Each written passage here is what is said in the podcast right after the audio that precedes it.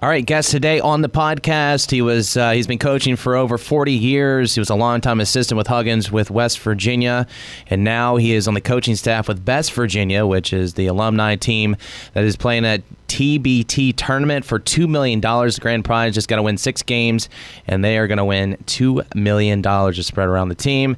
Uh, a ton of different variations and styles uh, in that uh, on that squad as well when you're talking about Huggins uh, coach squads and, you know, 131 and the Press Virginia. So uh, we get into that as well as uh, this year's team as well.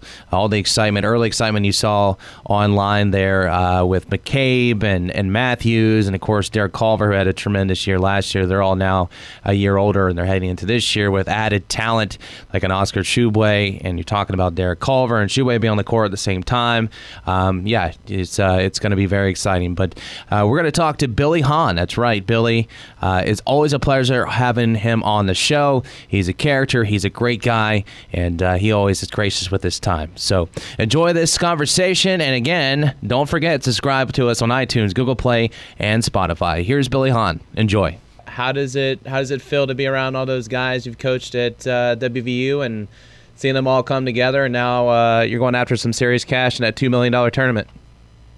Brandon, it has been the. Told my wife when we got back from Martinsburg on Saturday. On Sunday morning, I told my wife, I said, Kathy, for all the years I've been coaching, I coached for 40 years. And I said, Kathy, this is by far, not even close, the most fun, the most enjoyable, the most absolute best time I've ever had coaching a team in my all my years. And I'll tell you why. These guys are all pros.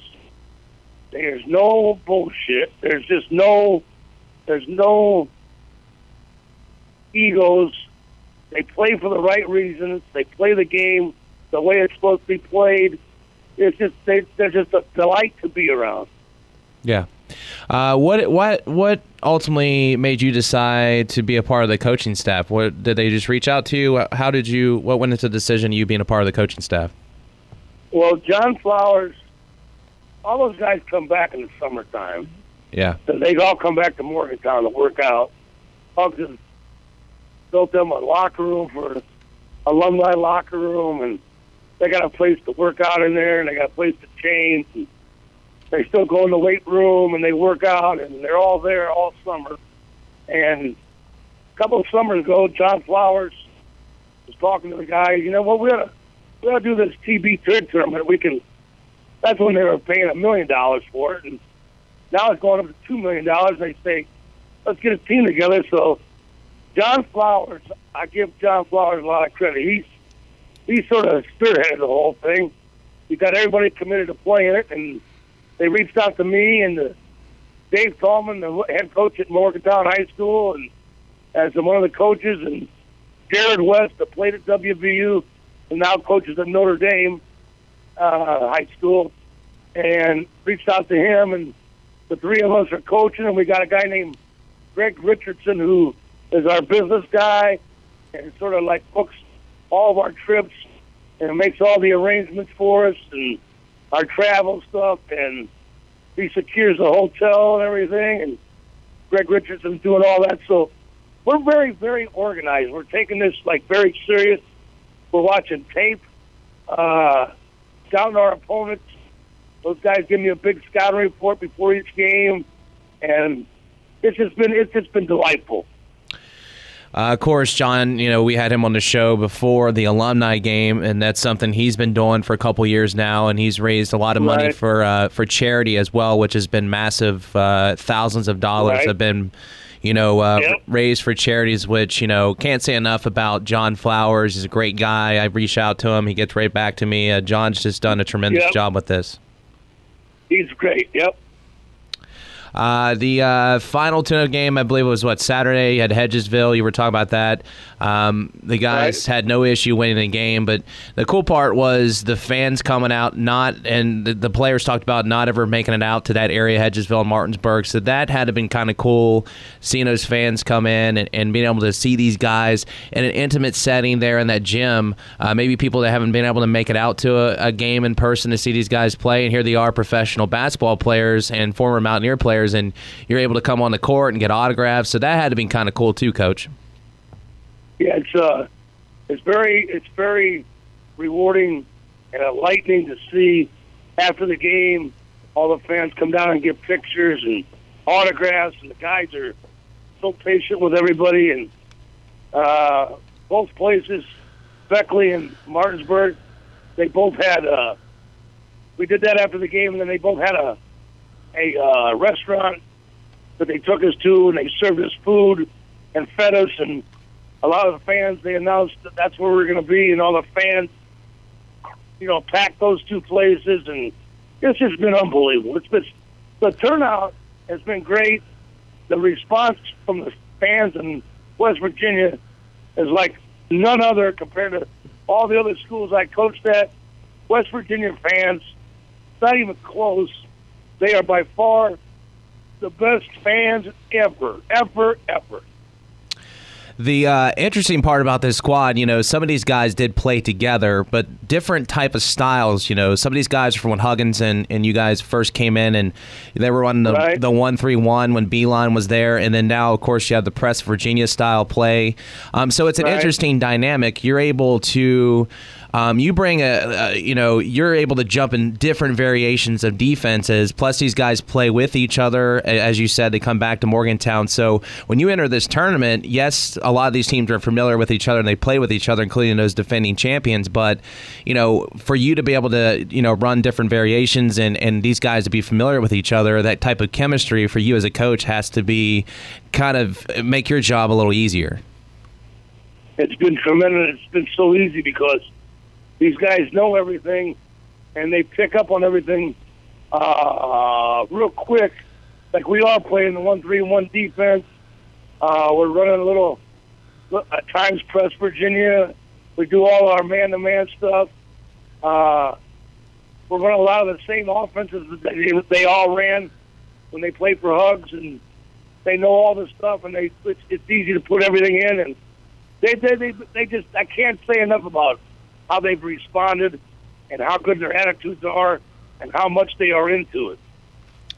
You uh, you guys had to add another player because uh, Tarik Phillips, of course, had some uh, things with the Wizards, so he couldn't play. But Teyvon Myers uh, has been added to the to the squad here. What is uh, what does. Teyvon bring to? Because I always enjoyed watching Teyvon play. His energy is something I always jumped out to me when I watched him as a vocal guy. What is it about him? What's he bring to the squad? He brings a magnificent uh, passion and personality to the game. He's always got a big smile on his face. All the players like him. Uh, he fits in beautifully, and we're all excited about him joining the team. And when you add a player to this tournament, it costs you a thousand dollars for every time you add a player.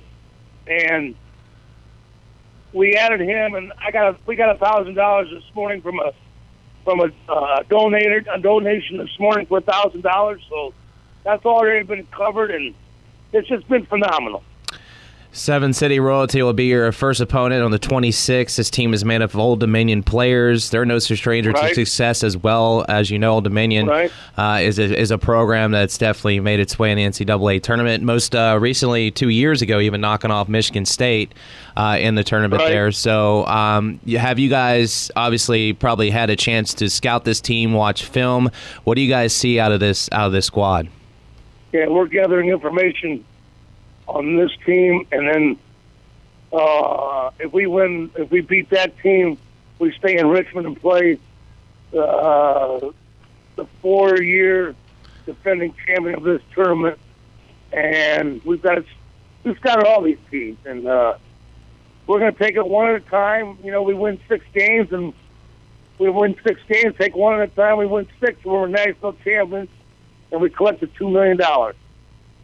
What do you, uh, if you win that money, it's going to be split uh, several ways. But what do you, uh, what do you think you're going to do with your money if you guys win the two million dollars? Well, I'll tell you what. I'm still paying. Believe it or not, I'm still paying uh, for my wife's cancer treatment that she had when she had ovarian cancer and leukemia, and uh, we still get we still get trying to pay that bill off because the even though I had great insurance at WVU and the insurance I had was tremendous, I don't think people realize the cost of all the chemotherapy and everything that she had. It's it's it's it's phenomenal amount of money. So I could use a good hit. I ain't gonna lie to you.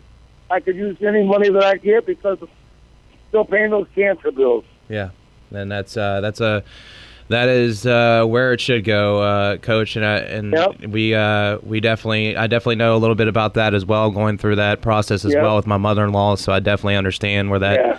where that comes. Crazy and, man. Uh, yeah, crazy, crazy. Um, let's talk about this year's squad with uh, your guy Huggins. He seemed very uh, refreshed uh, in that press conference last week. Had himself, it looked like a little tan as well. Uh, it looked like Coach was getting out in the sun a little bit. But uh, you got uh, some of these guys in their first year, now coming their second year. Of course, Derek Culver was just a monster in his freshman year. McCabe came on strong at the end of the year, as well as Matthews. I'm hearing that guy is jumping out of the court. Of course, uh, uh, out of the gym. McCabe, of course, is still recovering from his surgery there. But, uh, you know, uh, judging by all the talent coming back, and plus, you know, when you enter in a guy like Tshiebwe on the court, um, the talent there, and they're talking about having Culver and Tshiebwe on the court together, um, it, it just seems like this team eh, could be very, very special if things and the stars align this year. I tell you what, you're exactly right. It's uh, they're all they're all in. They're all here. And matter of fact, uh, last guy started today. Came in today. Uh, the junior college kid got there today, and today's his first day of class. And they've got practice this week. Uh, Monday, Tuesday, taking off Wednesday, Thursday, Friday. They play four practice four times this week uh, three hours each practice, and the first one's today. And Huggy Bear is, you could just tell he loves being around this team. He's uh, he feels good about coaching the team. There's absolutely no attitude. There's no agendas. They're all in for the right reasons. This team as well, and it's just refreshing to see Hugs be happy again and uh, have all the problems eliminated and they signed six kids, and those kids are all excellent people and good, good, good, solid basketball players that care about practicing and care about playing. So it's very refreshing to see that. Uh, one of those kids as well out of Cameron, West Virginia, Logan Routt, getting a scholarship. You always like to see a kid um, get a scholarship, especially a lo- local kid. Um, so that's very special there as well. Uh, anytime you can get a kid a scholarship, but most importantly, there a local kid who uh, you know probably grew up watching West Virginia. Yeah, he's been a pleasure, and I tell you what, that sucker's gotten really—he's got a lot better now. He's uh changed his body weight, changed his diet. He slimmed down, uh, body fat's down, and he's jumping and running better than he ever has. He uh he dunks the ball extremely easy now. Before he had to, he struggled a little bit. He got tired running, but he's in great shape, and he's been a big plus too. And you know, he's a he's a big sucker, man. He's big, man. He's long, Yeah, and uh, he's he's he's gonna be a factor. he was a quarterback. That's hard to believe in high school, which How is that? Yeah, how about that? Yeah, which is uh, I could imagine, especially at that level too. Um, Yeah. It's a it's not a big town, so obviously they played in a smaller class, and to be lining up against a quarterback that size could be pretty intimidating if you're on the other side. So, Absolutely, it's been it's been a lot of fun to watch. All right. Uh, so finally, uh, are you going to be commentating and calling games and such like you did uh, this past year, Coach? Or, uh, what is it, the Purple Cow? Am I getting that correct? It's been a while since we talked about. it. That that's correct. I'm uh, once the season starts again, I will uh, do my every one of my Saturday games, home or away games that we play. I'll be doing at the Purple Cow, and I I do I got a microphone, and I tell the crowd that's there. Just imagine me being on the bench with hugs, and I would say exactly what I would say if I was sitting on that bench So it's sort of uh, I, I recommend keeping the children home because probably they're going to say some words that the, the kids shouldn't hear. And I do that on every home game on Sat, home and away game on Saturday. Then I'm going to do the the Green Turtle again, uh, where I got coaches coaches show on uh, every Tuesday night at the Green Turtle, and then I always do a another podcast during the season on on a on a on Sunday every every Sunday I do a podcast. So Yeah. I got a lot of things going. Then I'm booked uh, starting in August, August, September, October. I'm going across the country to speak to a lot of a lot of schools. As a matter of fact, I'm I got a lot of lot of schools booked booked new schools this year that I'm going to go talk to their team and talk to their staff, and it's going extremely well. I'm a I'm I'm a, I'm a blessed guy. My God, my wife's alive. My wife's alive. Alive. I'm a blessed guy. I'm just telling you that. I count my blessings every day. Well, you are a true class, my friend, and I am uh, happy for you as well. If you ever make it back uh, down here in Charleston, let me know. We'll get together. Maybe you can come on the show, and uh, and it's always a pleasure talking to you. I appreciate you taking the time. Good luck in that tournament as well, Billy. Hey, Brandon, you've been very, very good to me. I really can't thank you enough. I appreciate you. Anything I could do ever for you, you let me know.